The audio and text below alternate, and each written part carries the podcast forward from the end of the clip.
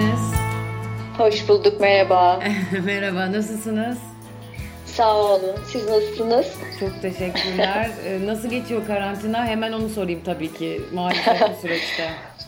Valla yani daha önce deneyimlemediğimiz bir şey yaşıyoruz. Garip tabii.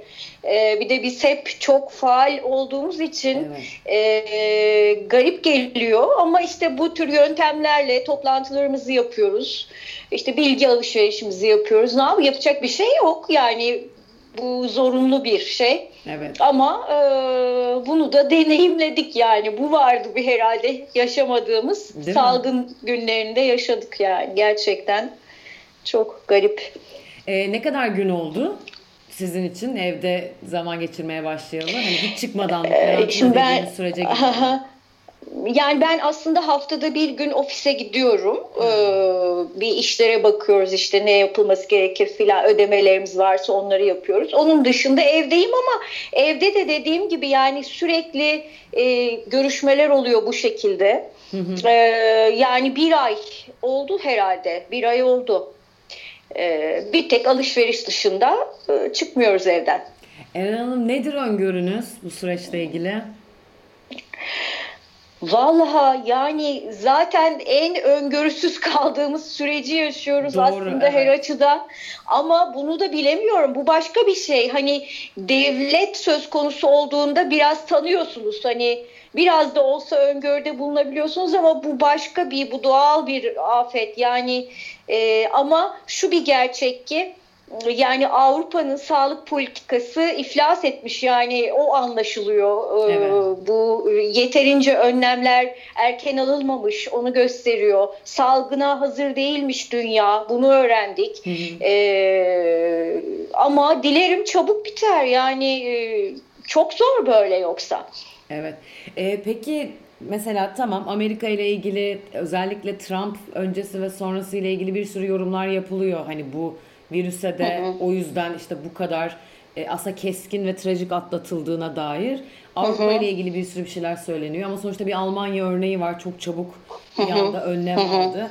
Aslında bunlar Evet. hepsi öngörülebilir şeyler miydi? Yani siz mesela bu konuda nasıl düşünüyordunuz ya da Türkiye bu noktada neredeydi? Yani tabii ki sağlık çalışanları, doktorlar ve diğer sağlık çalışanları çok büyük özveriyle çalışıyorlar. Ama ben Türkiye açısından e, yeterince bir açıklık olduğunu düşünmüyorum. Bir kere çok az test yapılıyor. Yani Evet, e, test yapılmadığı sürece de hastalığın e, şeyine miktarına kaç kişiye yayıldığına ulaşamazsınız bu bilgiye. O nedenle e, çünkü diyorlar ki hiçbir semptom göstermeden de bu pozitif çıkabiliyor ama sizin semptomunuz yoksa size test yapılmıyor. Böyle bir sorun var. Yani o nedenle Sağlık Bakanı evet her gün açıklama yapıyor filan ama bunlar gerçek sayı mı? Bu konuda bir bilgimiz yok. Belki hepimize bulaştı. Evet, Semptom göstermeden yaşıyoruz. Bunları bilmek çok mümkün değil. O nedenle bence e, test sayısının çoğaltılması gerekiyor. Hani biz yine dışarıda olanlar açısından bir derece cezaevindeki insanların durumu çok çok daha vahim tabii.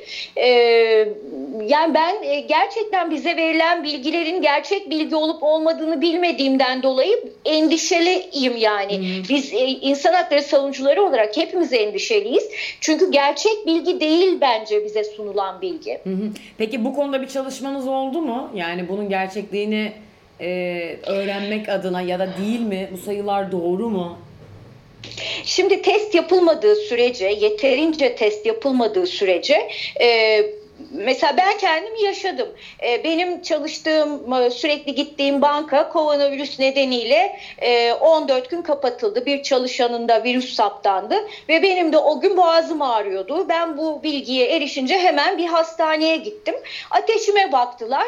Yok. Dediler Ya. test yapmaya gerek yok dediler. Ama olabilirdi de. Yani ateşim olmadan da ben pozitif çıkabilirim. O nedenle yani bir de hastaneye gitme gücü bile olmayan milyonlarca Tabii, tabii. insan var. Yani e, köylerde yaşayanlar var. Kar kaplı hala bir dolu yollar var. Yani bunu bilmek mümkün değil. O nedenle e, bu sadece ama Türkiye açısından değil. Yani e, dünyada bence büyük bir sorun var. Birkaç ülke dışında. Evet. E, mesela Almanya zaten e, sağlık politikalarının bizlerden çok ileri olduğu bir ülke. Bu bir gerçek. Bunu Evet. zaten biliyoruz. Onların o disiplinli çalışmalarıyla burada da başarılı oldular. O nedenle ben Türkiye'den çok emin değilim. E, bu yüzden de çok büyük bir öngörüde bulunamıyorum. Sadece bizim çalışmamız şöyle, tabii ki dışarı çıkamadığımız için etkili çalışma yapmamız mümkün değil ama e, bir hani testin az yapıldığı yönünde bizim e, hekim olan arkadaşlarımızdan da aldığımız bilgiler sayının çok daha fazla olduğu yönünde E, ki bu birçok e, çevreye bu bilgiler geliyordur. Bizim daha çok e, ilgilendiğimiz alan cezaevleri. Cezaevlerinde söylenenden çok daha fazla e, virüs e, bulaştığını düşünüyoruz biz. Çok fazla bilgi geliyor birçok cezaevinden. Şimdi biz cezaevinde görüş şu anda yapamıyoruz. E, avukat görüşü de yapılmıyor. Evet. Aile görüşleri sadece telefonla yapılıyor. Ailelerin verdiği bilgiler var. Mesela birçok cezaevinde çok sayıda insan ateşli, işte öksürüyor, bütün belirtileri gösteriyor ama şey diyorlarmış doktora gerek yok sizin bir şeyiniz yok filan diye geçiştiriyorlarmış. Yani 30-40 kişi hani sosyal mesafe deniyor ya 30-40 kişi aynı koğuşlarda kalıyor. Tabii bunun Sıcak suyun akmadığı koğuşlar var. O nedenle ben cezaevlerinden açıkçası çok endişeliyim. Ee, oradan e, büyük e, ölüm sayıları çıkabilir diye düşünüyorum ve korkuyoruz bu yüzden. Ve Türkiye genelinde tabii ki bu yani. E, Evet, evet. Genelde büyük şehirler üzerinden konuşuluyor ya da işte bu sayıların doğru olup olmadığı da genelde Evet. büyük şehirler üzerinden e, yapılıyor Tabii. eleştirilerde. Ama bütün Türkiye çapında düşündüğümüz zaman özellikle cezaevi olarak e, Evet. peki o zaman tabii ki esas sormak istediğim şeye geliyoruz. Bütün bu Aha. e, karantina ve işte korona süreci sırasında tabii ki boş durulmadı ve bir sürü olay oldu. Bir sürü mecliste gündem var, bir sürü yasalar var ve en son yine e, iki gece önce yani biz bu programı şu an yapıyoruz. Bundan iki gece önce yine bir yasa tasarısı e, geçti. Bazı şeyleri hala tartışılıyor maddeleri E, ve bu ya inanılmaz trajik. Evet. İnanılmaz yani bir taraftan bu kadar hayati ve sizin de dediğiniz gibi ilk defa böyle bir süreç yaşarken bir taraftan da bu süreçten çıktıktan sonra bizi bir felakete sürükleyecek şeyler oluyor. Yani ne yapacağız? Nasıl akli melekelerimizi koruyacağız? Evet.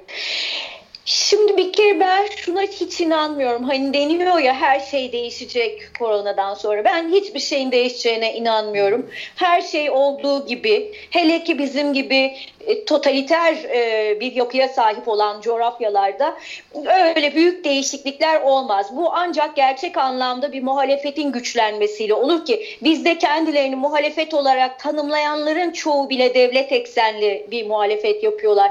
O nedenle ben çok şeyin değişeceğine inanmıyorum.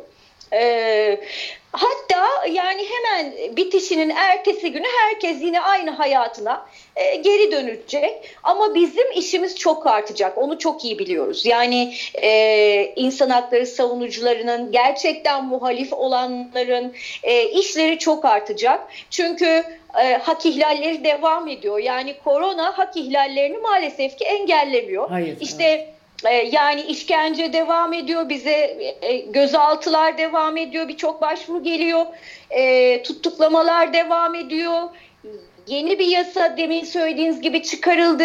Tamamen anayasaya aykırı kanun karşısında herkes eşittir ilkesine aykırı bir yasa çıkarıldı. Yani son derece yaralayıcı hukuk vicdanını yaralayıcı bir yasa. Çünkü sadece düşüncelerini söyledikleri için insanlar cezaevinde ama e, birçok yüz kızartıcı suç işlemiş olan insanlar dışarı çıktılar. Yani bunun e, gerçekten akıl alır bir yanı yok. Yapılan ayrımcılığın akıl alır bir yanı yok. E, zor olacak. Şimdi Anayasa Mahkemesi'ne iptal başvurusu olacak. Yani Evet, evet. korona e, korona nedeniyle evdeyiz ama e, dışarıdaki hak ihlalleri aynen devam ediyor. Ee, sizin şöyle bir şeyiniz cümleniz vardı. İşte eski Türkiye, yeni Türkiye bu tartışmalar çok fazla var. Çok görüyorum ama zaten e, eski Türkiye dediğimiz şey de çok güzel, çok parlak bir ülke, çok parlak bir şey değildi. Yani tartışma Evet. şey üzerinden gidiyor ama aslında mevzu o değil. Biz gerçekten yeni Türkiye Evet. derken ne hayal ediyoruz? Belki onun peşinden gitmemiz gerekiyor Evet. diye. Ee, nedir mesela gerçekten yeni Evet. Türkiye hayalini konuşacaksak ne dersiniz? Yani ben e, Türkiye'nin devlet yapısında e, büyük bir değişiklik olduğuna hiçbir zaman inanmıyorum. Yani e, bu konuda hani böyle her şeyi e, sadece Tayyip Erdoğan üzerinden tartışmanın da doğru olmadığını düşünüyorum. Çünkü devletin e, yapısı özellikle e, bize dayatılan resmi ideolojinin yarattığı kırmızı çizgiler devam ettiği sürece Türkiye'de bir şey değişmez. Yani meselesi, Ermeni soykırımı, Kıbrıs meselesi, bütün bunlar konusunda e, Kemalistler ve İslamcılar arasında bir fark yok. Aslında aynı düşünüyorlar. Ve biz bu iki görüşün arasına sıkıştırılmış durumdayız. Bunlar kırmızı çizgiler konusunda birbirlerinden hiç farklı düşünmüyorlar. O nedenle hani ben böyle büyük farklar olduğuna inanmıyorum. Ee, şimdi 90'ları mesela alalım. Biz çok ağır yaşadık.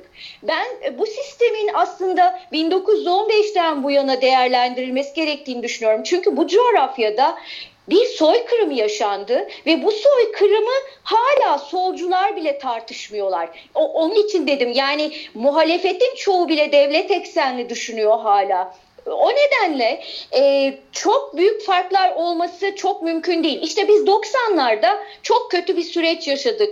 İnsanlar gözaltında kaybedildiler, köyler yakıldı, e, insanlar yakılarak öldürüldüler, yok edildiler.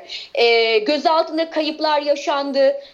O dönemin aktörleri bugün yine e, iktidarın yanındalar. Yani bizim aslında çekirdek bir devlet yapımız var ve bu devlet yapısı gelen giden kim olursa olsun çok fazla değişmiyor. O nedenle diyorum yani eski Türkiye diye bir şey bana göre yok. Zaman zaman kısmi e, demokratikleşmeler yaşıyoruz. O da dış etkenler nedeniyle. Mesela bir dönem AKP e, bir e, demokratikleşme süreci başlattı. O Avrupa Birliği ile o dönem ilişkiler iyiydi. Onun rüzgarıyla bir süreç yaşandı. Bir barış süreci yaşandı. Ama hepsi bitti. Çünkü AKP'nin iktidar ortağı değişti.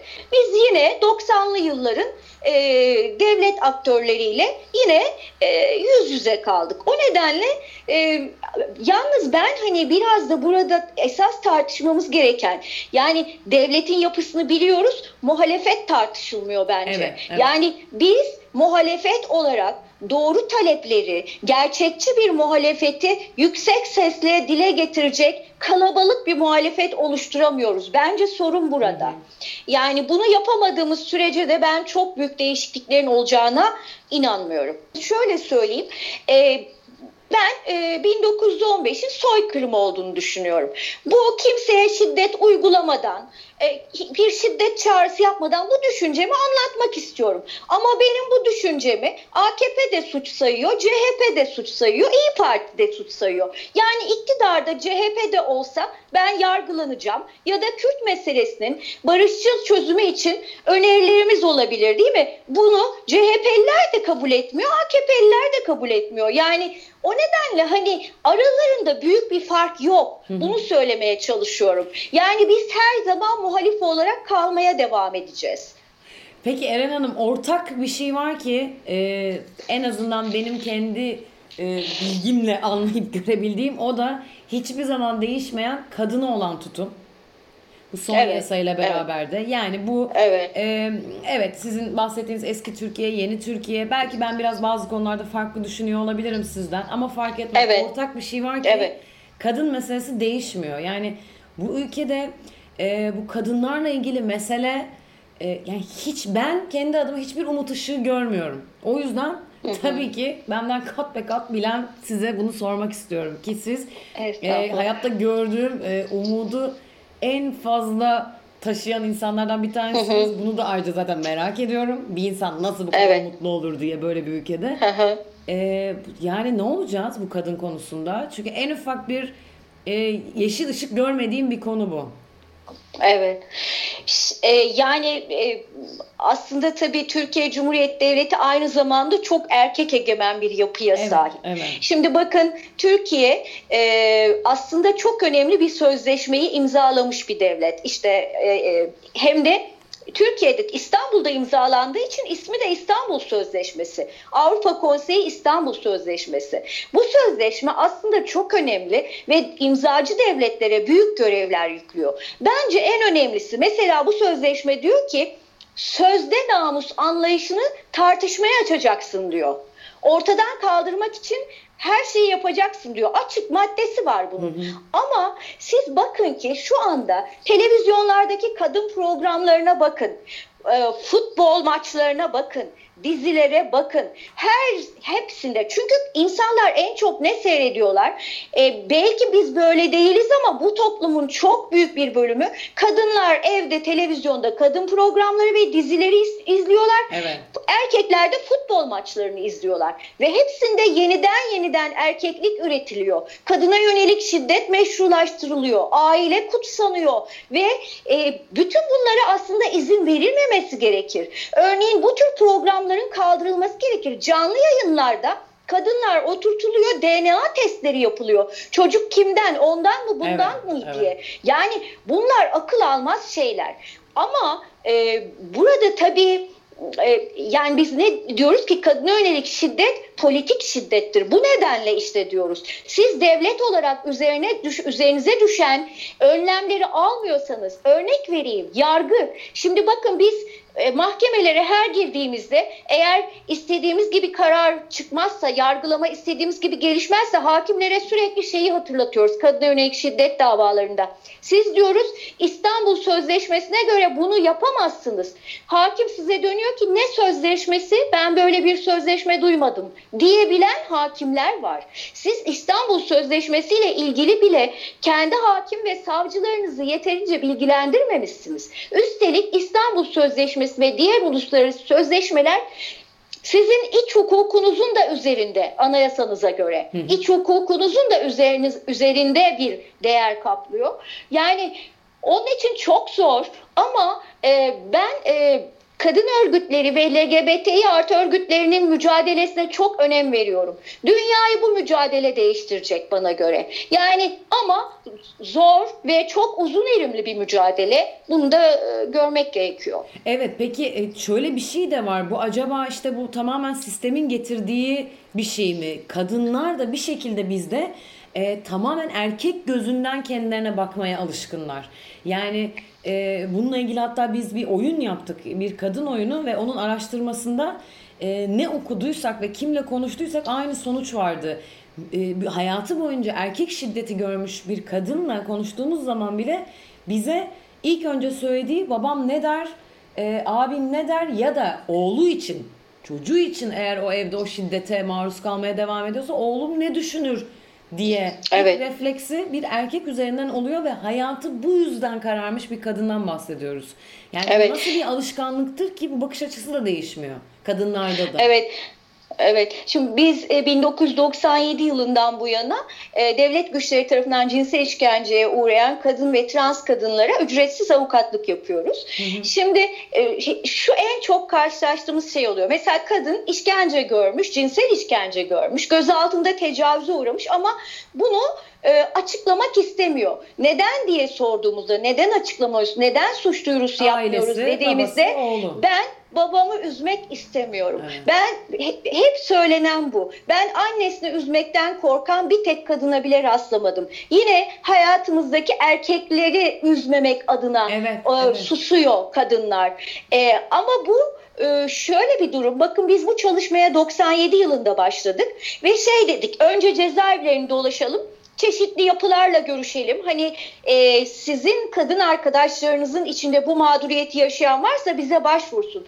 Bize birçok sol yapı şu cevabı verdi. Bu çok burjuva bir yaklaşım. Biz devrimciyiz. Hani biz işkenceye direniriz. Cinsel işkence diye ay ayıramayız bu filan dedi.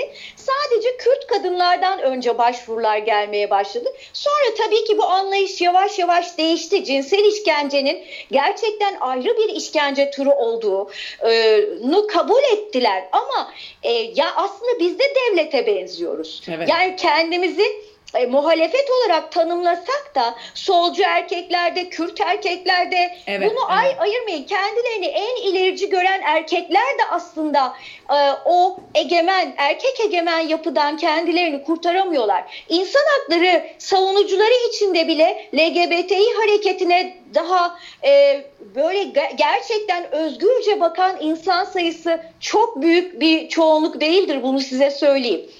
Çok az, çok az. Özellikle evet. sizin söylediğiniz gibi böyle bir harekete burjuva e, tanımı yapan e, insanlarla özellikle sol görüşlü çok fazla özel ya da muhalefette o kadar fazla ben de kendi adım o kadar fazla karşılaştım oyunu yaparken ya da işte hani evet. oyunculuk sürecimde. O yüzden onu çok ayırt etmenin ben de sağlıklı olduğunu düşünmüyorum. Genel olarak toplumda böyle bir şey var.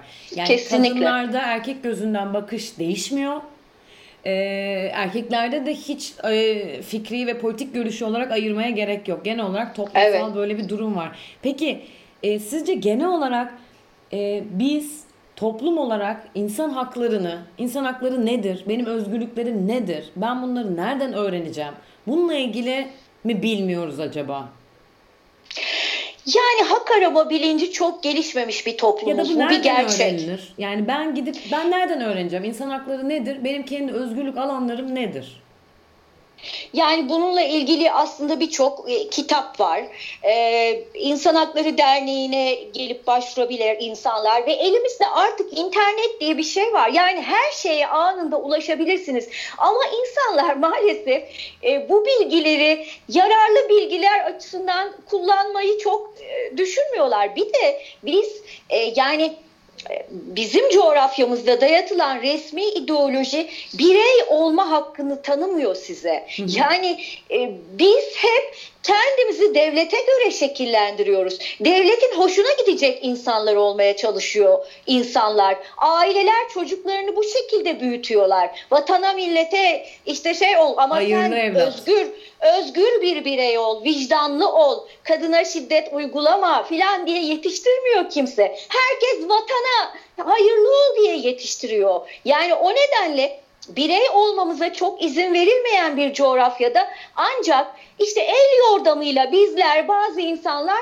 bulmaya çalışıyoruz haklarımızı. O nedenle bu aslında bu da politik bir mesele. Ne, yani birey olmaya izin verilmeyen totaliter bir devlet yapısı. Herkes devlete benziyor. Herkes devlet gibi düşünüyor. Herkes sadece devlete güveniyor. Devletin her dediği doğrudur diye baştan bir kabul var. Oysa böyle değil. Dünyayı her zaman direnenler değiştirmiştir. Hiçbir zaman totaliter olanlar, faşistler değiştirmedi. Dünyayı her zaman direnişçiler değiştirdi. Bunun farkına varmak gerekiyor. Peki sizin bu direnişçi e, ruhunuz nereden geliyor?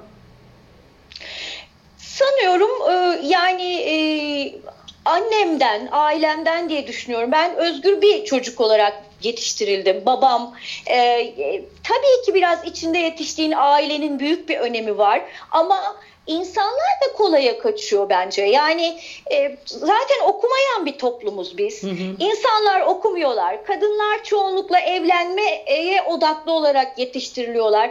Zaten televizyonlardan biraz önce söylediğim gibi yani size sürekli bu pompalanıyor zaten. Yani e, sürekli o çekirdek klasik aile yapısı dayatılıyor. Erkeğin, babanın egemenliği e, hala kadın namus e, kadının bekareti üzerinden tanımlanıyor. Yani böyle olduğu sürece çok zor işimiz gerçekten. Ama ben e, hani umut dediniz ya ben e, mesela sosyal medyanın çok önemli bir şey olduğunu düşünüyorum. Eğer iyi kullanırsanız, evet sermaye küreselleşiyor ama insan hakları ve mücadele de küreselleşiyor. Kadın hakları mücadelesi de küreselleşiyor. Bunun çok önemli olduğunu düşünüyorum. Yani biz e, 90'larda insan hakları mücadelesini duyuramazdık. Küçücük bir haber olduğunda sevinirdik gazetelerde ama şimdi anında bütün dünyaya ulaştırabiliyoruz. Her Böyle bir imkan var. Hı hı. Ee, onun için umutsuz olmamak lazım. Yani mücadele et, etmek zorundayız. Başka çaremiz yok. Peki Eren Hanım yani e, benim anlı, aslında anlamadığım çok e, açıkça söylüyorum. Bu kadar her yerden bir ok gelirken e, dünyada zaten genel olarak öyle ama bizim ülkemizde bu her gün bu anlamda bir şey yaşanırken siz çok uzun süredir e, yani bu şekilde varoluşunuzu nasıl devam ettirebiliyorsunuz? Yani tamam direnme, direniş yani temelinde bu olabilir ama bu kadar yoğun bir ülkede e, insanın umudunun yıkıldığı ya da bir süre en azından hayatına dönüp baktığında evet benim de şöyle bir aralığım var ki ben burada yok oldum ve sonra tekrar toparladım. Mesela böyle bir boşluğunuz yok. Bu nereden gelir? Nasıl olur? İnsan nasıl Evet yani e, hiç yaşamadım ben ama ben sadece ben değilim yani benim gibi başka arkadaşlarım tabii ki, da var. Tabii ki, evet. Ee, mesela e, benim şu anda 17 yıl 2 ay hapis cezam var. Yargıtay'da. Çünkü ben Özgür Gündem gazetesinin 3 yıl genel yayın yönetmeni olarak gözüktüm. Aktif olarak yapmadım. İşte barış süreci adı verilen süreçte hiç dava açılmazken bu süreç bitince birdenbire yine bombardıman gibi başladı davalar açılmaya. Toplam 144 dava açıldı. Yine Özgür Gündem ana davasında örgüt üyesi olmak iddiasıyla da yargılanıyorum. Hı Ee, şu anda da 17 yıl 2 ay hapis cezam var. Herkes kez yurt dışına gitmemi istedi. Yani neden gitmiyorsun diye. Hiç istemedim. Çünkü mutlu olacağım, mutlu olduğum şeyi yapıyorum ben. Yani beni motive eden en büyük şeylerden biri ölülerimize olan borcumuz. O kadar çok arkadaşımızı, abimizi, ablamızı yitirdik ki bu alanda. Ben sanki hep onlara bir haksızlık yapacakmışım gibi düşünürüm. Yani e, ve ben çok seviyorum yaptığım işi. Şimdi biz mesela şu anda korona tehlikesi var. Hepimiz için var ama evet. biz cezaevlerine gidemiyoruz diye üzülüyoruz. Yani her gün vaktimizin çok büyük bir bölümü cezaevlerindeki insanların işte bilgilerini toplamak, bunlarla ilgili çalışmakla geçiyor. Bu bir e, şey, yaşam tarzı. Yani yaşam tarzı haline geldiyse zaten dışına çıkamıyorsunuz. Bu benim işim ve ben işimi seviyorum. Hı hı. Mutlu olarak yapıyorum işimi. Bence tek çözüm bu. Severek yapmak. Peki bütün bu e, mesela görüntünüz, saçınız, makyajınız ki bunlar vakti zamanında çok çok eleştirilen şeyler olmuştu. e, bunların hepsi aslında e, tamamen kendi zevkiniz ve karakter özelliğiniz mi yoksa direnişin bir sembolü mü? Bu da aslında bir ya direniş şöyle, şekli mi? Şöyle söyleyeyim aslında ben e, lisedeyken solcuydum ve e, bir gün yaptığım hafif bir makyaj nedeniyle acayip eleştirilmiştim ve buna çok sinirlenmiştim. Yani ne ne hakkınız var bana karışmaya gibi böyle. Çünkü solcular Ama böyle sadece gezer ve çok evet, ve öyle. Bir, bir dönem evet öyleydi. Şimdi değişti neyse evet. ki. Yani ben e, kadın bakış açısına erken sahip olduğum için çok kendimi şanslı hisseden biriyim. Benim giyinme, kuşanma, görüntüme sadece ben karar verebilirim. Yani e, bu benim mücadelemi de hiçbir şekilde etkileyen bir şey değil. Ee, yani beni eleştiren, makyaj yapmayan birçok kadın şu anda ortada yok ama ben hala makyajımla ortadayım. Yani bunun hiç yani çok saçma geliyor. Artık zaten birçok insan böyle düşünmüyor. Ama ben buyum. Kendimi nasıl istiyorsam, kendimi nasıl beğeniyorsam öyle e, oluyorum sadece. Diğer insanların görüşleri beni çok ilgilenmiyor. Kimseye zarar vermiyorum ben makyaj yaparak yani. O nedenle artık ama bunlar aşıldı. Hani bir dönemler çok konuşuluyordu ama artık yani genel olarak kadınlar zaten kadın bakış açısı geliştikçe bu buna izin vermiyorlar zaten. Ee, Eren Hanım düşünce özgürlüğü ne demek? E, şimdi düşünce özgürlüğü e, insanın e, her türlü düşüncesini özgürce ifade edebilmesi demek. Bu tabii ki eğer ben şunu öldürün, bunu e, yaralayın, bunu parçalayın. E, demin İçişleri Bakanı'nın sözü mesela özgür olmamalı. Böyle bir ifade özgürlüğü değil benim söylediğim. Ama ben e, çok aykırı da olsa, o devletin ideolojisine çok aykırı da olsa, kimseye zarar vermeyen her türlü düşüncenin özgür olmasından yanayım. Ki yıllardır zaten bunun mücadelesinde verdim, bedelini de ödedim, cezaevinde yattım. Ben sadece Kürdistan sözcüğünü kullandığım için cezaevinde yattım ve bir yıl mesleğimden uzaklaştırıldım. Hı hı. Ama şimdi artık herkes Kürdistan sözcüğünü kullanıyor. Kürdistan artık sadece Kürdistan kullanmak suç değil artık evet. yani. Ee, ama e, işte bunun da belli bir mücadelesini vermek gerekiyor. Fakat bizim gibi korkuyla yönetilen toplumlarda zor bu iş. Şu anda yani siz bir tek sözünüz nedeniyle anında tutuklanabiliyorsunuz. Evet, evet. Bir de hani 90'larda bile olmayan bir yeni yöntem var. İşten atın KHK ile işten atıldı binlerce insan. Yani korkuyor insanlar. Son derece otokontrol uygulanıyor mesela şu anda. İnsanlar otokontrol uyguluyorlar. Birçok insan e, yani mesela akademisyen şöyle diyebiliyor ben sosyal medya kullanmaya korkuyorum kapattım sosyal medyamı diye. Yani o kadar korkuttular ki insanları. Ben bakın ifade özgürlüğünün bu kadar yerlerde olduğu başka bir süreç hiç yaşamadım. 30 yıldır insan hakları mücadelesi içindeyim. Kendimi bu kadar öngörüsüz hissettiğim hiçbir süreç yaşamadım. Şimdi biz 90'larda bile e, mesela yargılanırdık düşüncelerimiz nedeniyle dava açılırdı ceza verilir. Ceza verildikten ve kesinleştikten sonra cezaevine girerdiniz. Ama şimdi daha ifadeye gidiyorsunuz. Savcı size tutukluyor. Bir de o kadar eşitsiz bir uygulama var ki adamın biri çıkıp kanlarınızı dökeceğim oluk oluk kanınızı içeceğim diyor ve bu adam düşünce özgürlüğüdür diye buna hiçbir şey olmuyor ama ben Kürt meselesiyle ilgili çözüm önerim evet. nedeniyle terörist sayılıyorum. Yani bu akıl alır bir şey değil gerçekten. Peki aslında olması gereken düşünce özgürlüğünün e, sınırını nasıl belirleyeceğiz? Yani düşünce özgürlüğü nedir? Ben sizden öğrendim şu an. Peki ben biriyle evet. bir şey tartışırken bunun sınırını nasıl belirleyebilirim? Nedir bunun e, çizgisi? Bir kuralı var mıdır? Bu yani şiddet kendi içinde gideceği yer nedir? Tek sınırı bana göre şiddettir. Şiddeti çağrıştırmıyorsanız eğer vurun, kırın, vurun, öldürün demiyor. Hani bunu anlayabilirim. Ee, ben burada bile istisnalar çünkü e, bazı mücadele biçimleri var. Yani hı hı. bunları hani şu anda burada belki konuşmayacağız ama yani e, siz bugün e, Filistin'de taş atan çocukları e, e, kahramanlar derseniz size hiçbir şey olmaz. Ama bugün Diyarbakır'da taş atan çocuğu överseniz siz terörist olursunuz. Yani öyle ayrımlar var ki bir kere terör tanımı Türkiye'nin terör tanımı o kadar geniş ki siz söz söyleyene de terörist diyorsunuz. Ee, ne bileyim küçücük taş atan çocuğa da terörist diyorsunuz. Akıl alır bir şey değil bu. Ee, üstelik Türkiye Cumhuriyeti'nin altına imza attığı sözleşmeler var. Bu sözleşmelere uygun davransa dahi Türkiye kısmen demokratikleşir ama hiçbir şekilde uygulamıyor ve maalesef ki hiçbir şekilde denetlenmiyor Avrupa tarafından da. Hı hı. Ve dolayısıyla aslında bunun kendi içinde bizim için bir sınırı da ortadan kalkmış oluyor. Yani sizin Öyle. bahsettiğiniz sadece şiddet içeren bir durum olması değil e, ve bütün sınırlar ortadan kalkıp işte en sonunda sosyal medyada bir şey yazmaya korkuyorum'a kadar da gidebiliyor. Ya da öbür tarafta evet. bunun en ağır halini biz görüyoruz ve o insana hiçbir şey olmuyor. Olmuyor öyle yani öyle. Eren Hanım e, bence kesinlikle öylesiniz ama yine de kendi fikrinizi almak istiyorum tabii ki. E, hı hı. Sizce siz hayatı sobeleyenlerden misiniz? Herhalde bilmiyorum. ya da bu ne demek yani sizce sizde ne çağrıştırıyor?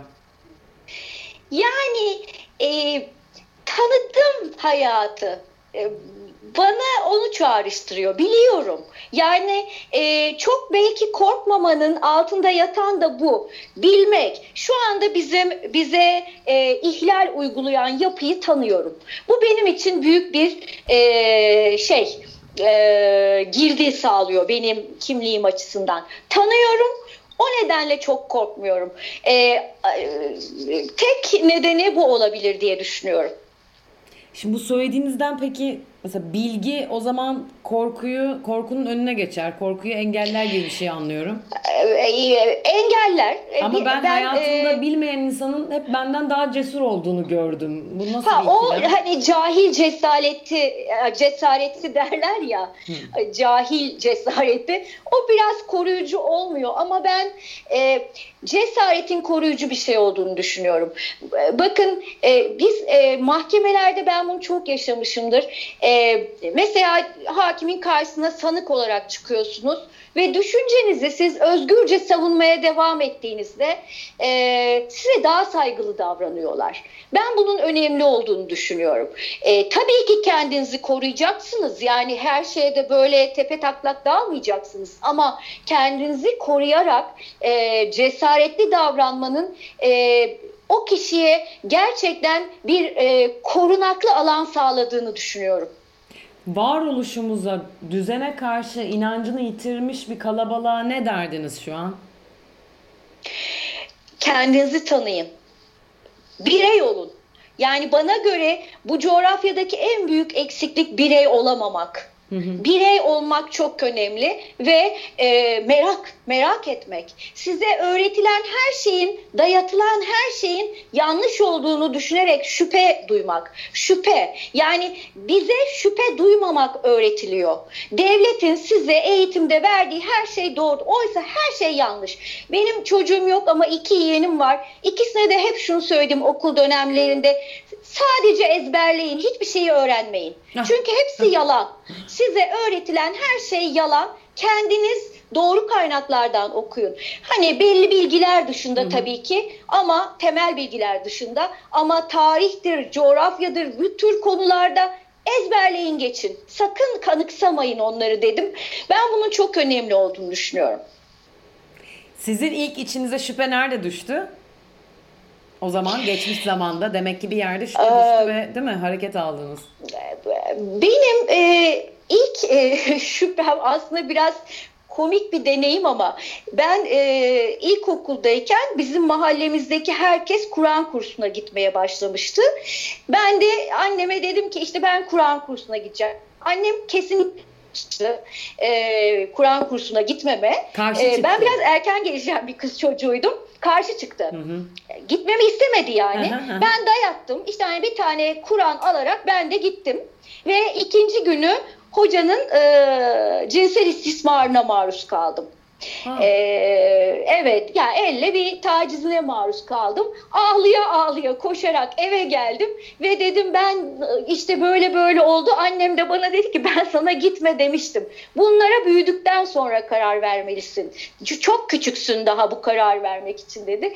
İlk şüphe orada girdi benim aslında aklıma. Yani niye böyle ya en hani doğru olması bize öğretilen yerde nasıl bir çocuğa böyle bir şey yapılır diye. Belki de de hayırlı olmuş. Yani ben bunun farkına erken vardım. Bir de dediğim gibi ailem e, çok ileri görüşlüydü. Yani bizim evimizde mesela Deniz Gezmişler'in idamı e, işte bir şey gibi olmuştu. Yani herkes e, bir yaz tut, tuttu herkes ve ben avukat olmaya da öyle karar vermiştim. Yani ailenin çok et, büyük etkisi var diye düşünüyorum. Hı hı. Peki çok çok teşekkür ederim Eren Hanım. Ben teşekkür ederim. Çok Sağ olun. güzeldi. Çok çok çok Benim için de çok zevkli, çok güzeldi. Çok teşekkür ederim. Sağ olun.